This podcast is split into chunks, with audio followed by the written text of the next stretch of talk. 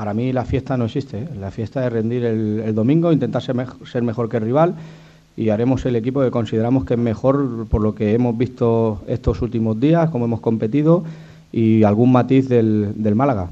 Yo siempre, cuando analizamos un rival, yo siempre preveo lo mejor del rival.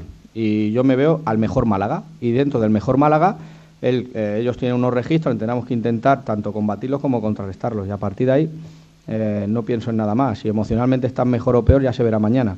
Yo me espero, ya te digo, al mejor Málaga de la temporada.